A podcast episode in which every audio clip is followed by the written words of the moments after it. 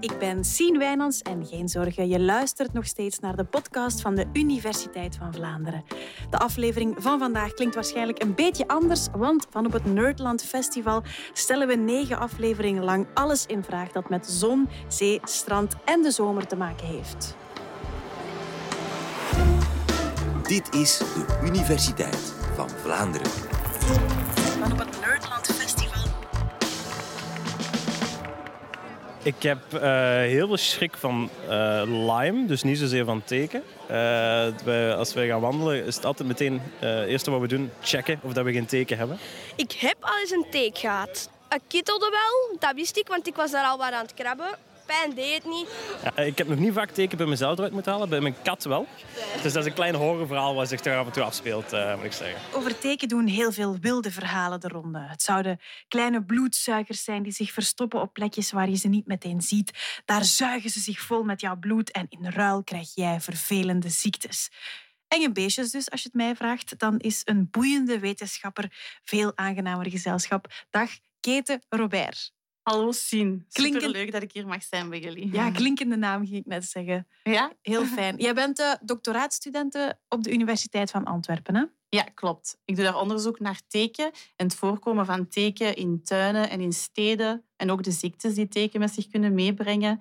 Ehm, en dat doe ik aan de hand van een burgerwetenschapsproject genaamd Take a Break, waarbij we in kaart willen brengen in welke tuinen teken voorkomen. Ja, en dat doe jij ook hier een heel weekend op het Nerdland Festival. Ja, dat klopt. We staan hier al twee dagen met een activiteit waar wij mensen willen warm maken om ehm, teken te vangen in domein Puienbroek, maar ook achteraf thuis in hun tuin. Ja. Schitterend. Oké, heel veel succes sowieso al daarmee. Maar ik had het dus net over wilde verhalen, of toch wilde verhalen die de ronde doen over teken. Maar moeten we nu wel zo bang zijn van teken? Misschien even beginnen bij het begin, Keten. Wat is een teek? Ja, inderdaad. Ik denk dat iedereen wel eens van teken gehoord heeft. Misschien heb je al eens een tekenbeet gehad. En dan ken je ze als een klein zwart bolletje op je huid. Maar eigenlijk is er veel meer te vertellen over teken. Zo weten we bijvoorbeeld dat het eigenlijk geen insect is, maar een spinachtige. Dus zij hebben het grootste deel van hun leven ook acht poten, net als een spin. En er bestaan verschillende soorten teken, ook in België. Eh, en die soorten die onderscheiden zich van elkaar door de plek waar dat ze voorkomen en ook welke dieren dat ze gebruiken om te bijten en bloed te zuigen. En dat noemen we trouwens het een bloedmaaltijd nemen, het zuigen van het bloed. En dat doen ze bij een gastheer. Dat is dan dat dier dat ze bijten. En zo heb je bijvoorbeeld de egelteek. En de naam zegt het al zelf. Die gebruiken egels om die bloedmaaltijd te nemen. En die leven dan ook vooral in de nesten van egels. Ja. Maar er zijn ook de vogelteek, de boomholteteek. En die, die, ja, de naam zegt het opnieuw, die eh, gebruiken vooral vogels als gastheer. Maar eigenlijk de meest voorkomende soort bij ons is de schapenteek. En daar is de naam een beetje misleidend, want die is helemaal niet uitsluitend terug te vinden op schapen. Het is net een tekensoort die op heel veel plaatsen voorkomt en ook heel veel dieren gebruikt als gastheer. Dus als wij als mens of onze huisdieren een tekenbeet hebben, dan is dat meestal die schapenteek. Dus het lijkt me ook het nuttigste om, als we de rest van de podcast eh, het hebben over teken, dat we ons over de schapenteek gaan uitweiden. En als ik dan de vraag krijg, waar komen teken voor? Dan hebben we die vraag eigenlijk ook al een beetje beantwoord. Ze komen voor waar hun gastheren voorkomen. ja. En soms hoor ik dan, zijn er nu meer teken dan vroeger? Wel, dat heeft ook met die gastheren te maken. Sinds de jaren 70 zijn er meer reeën en daardoor zijn er ook meer teken. Dus die gastheren en die teken, dat is eigenlijk één verhaal.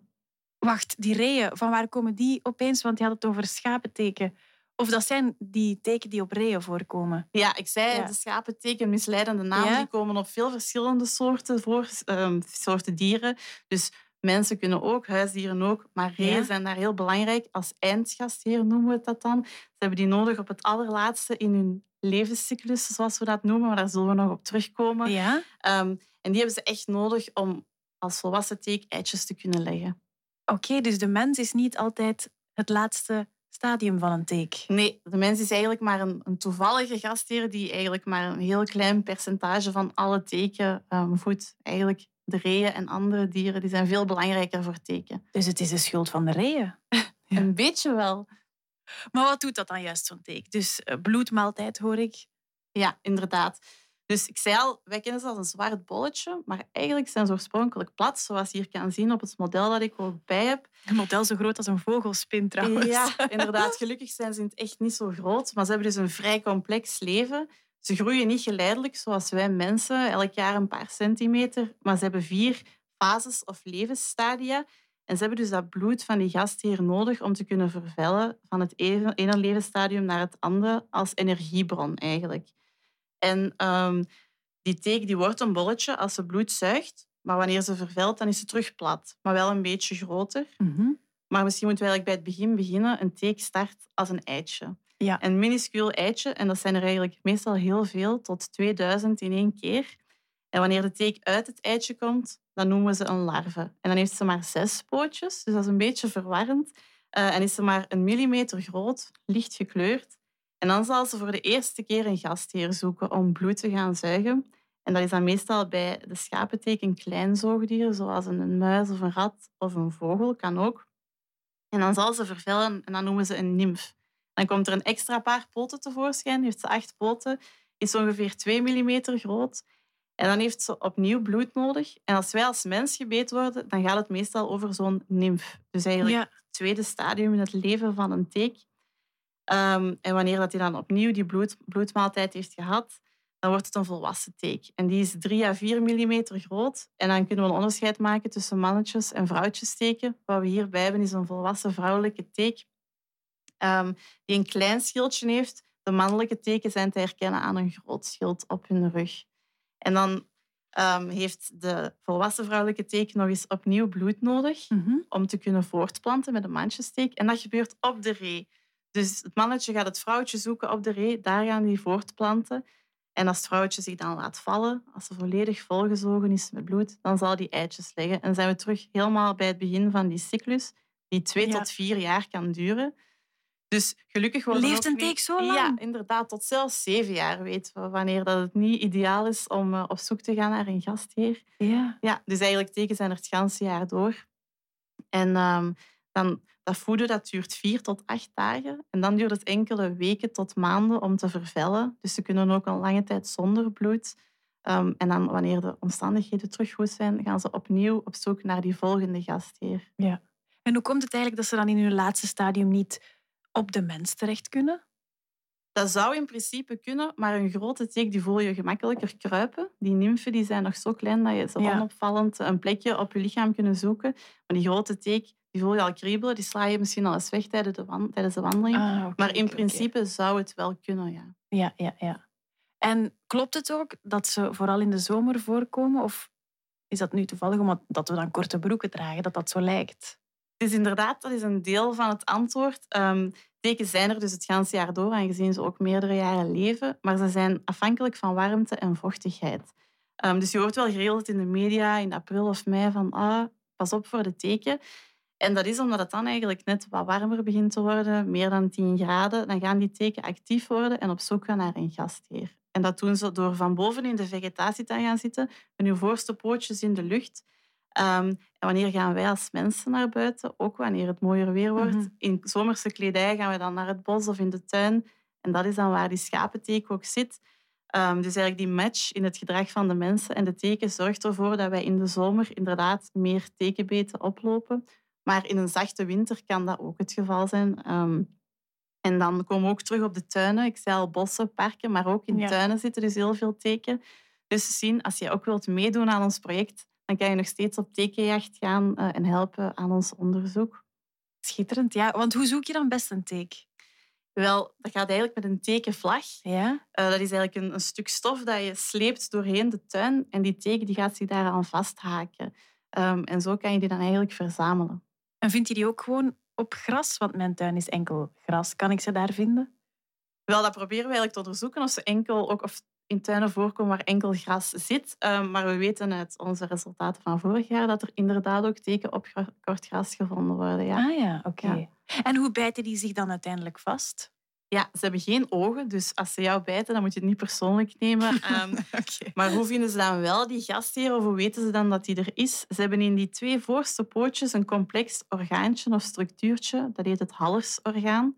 En daarmee kunnen ze dus niet zien, maar wel ehm, een paar, parameters uh, waarnemen, zoals bijvoorbeeld CO2, het vochtgehalte, de temperatuur, pheromonen ook. Dus ze zien of ze voelen eigenlijk, er komt hier iets in de buurt waar ik mijn bloedmaaltijd kan van nemen. En ze zitten dan met die voorste pootjes ook in de lucht. Dus als je passeert of een dier passeert, dan haken ze zich vast. Veel mensen denken ze vallen uit bomen of ze springen, maar dat is niet waar.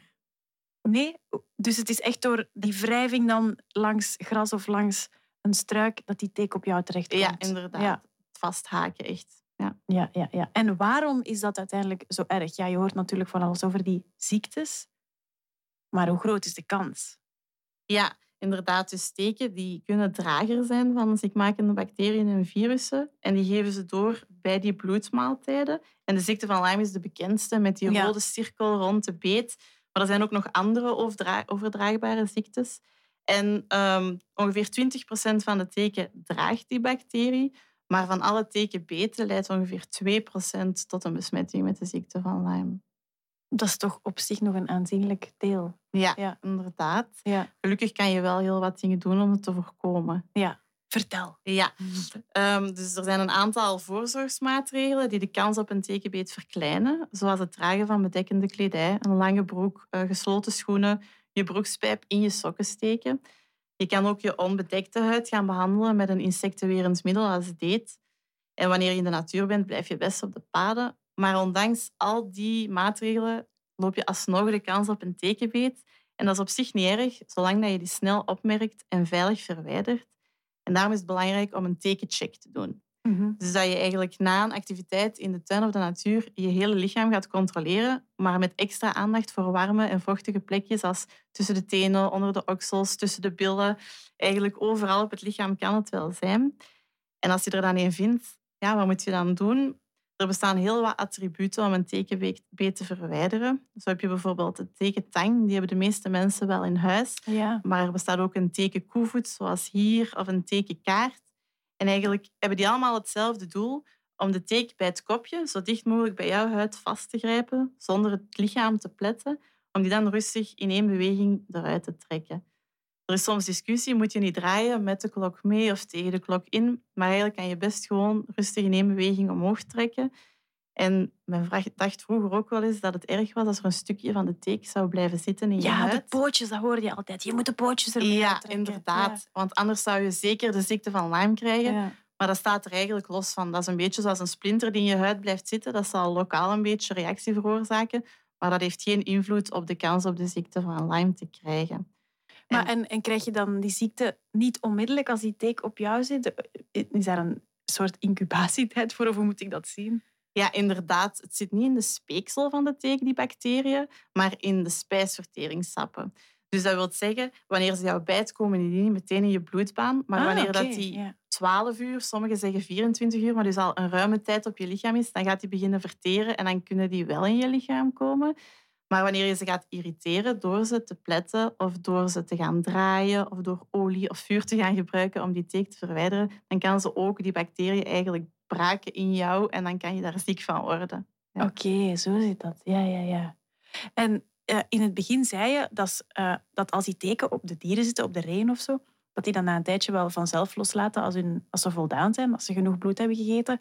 Kan dat dan ook gebeuren bij de mens, dat je ze gewoon laat zitten en dat ze vanzelf terug weggaat? Dat zou inderdaad kunnen, maar dat duurt dan vier tot acht dagen eer die van zichzelf afvalt. Dus dan hebben we die 12 tot 24 uur overschreden. Dus dan, uh, dan gaan ze wel ja, waarschijnlijk, als ze drager zijn van die bacteriën, besmetten met de ziekte van Lyme. En de bekendste symptomen daarvan zijn die, die rode cirkel rond de beet. Maar daarnaast zijn er ook andere, zoals griepachtige symptomen, koorts, een beetje gewrichtspijn. Want niet iedereen ziet die cirkel of krijgt die cirkel. En als je dan een van die symptomen vertoont, is het belangrijk om een arts te raadplegen voor antibiotica te krijgen.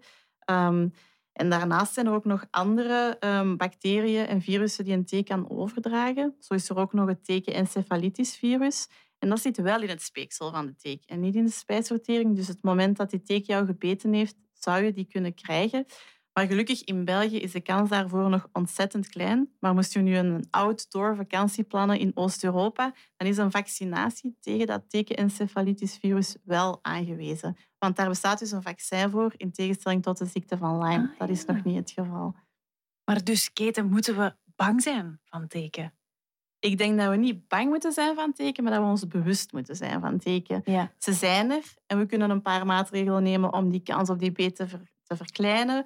We weten dat we een tekencheck moeten doen, hoe dat we een tekenbeet moeten verwijderen. En als we dat allemaal juist en snel doen, dan kunnen we echt veilig blijven genieten met een gerust hart van de Mhm. tuin, van de natuur, want dat is ook heel belangrijk. Ja, uiteraard. En misschien dan nog om af te sluiten, om een beetje tekenliefde aan te wakkeren bij de mensen. Wat is echt een, een voordeel van het teken in onze natuur?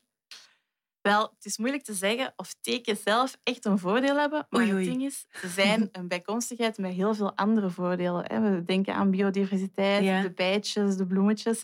Dus als er tekens zijn, wil het eigenlijk zeggen dat jouw tuin of die omgeving het heel goed doet. Dat er heel veel dieren en planten aanwezig zijn. Dus eigenlijk moeten we misschien dat dan in het achterhoofd houden. Dat vind ik een schitterende afsluiter.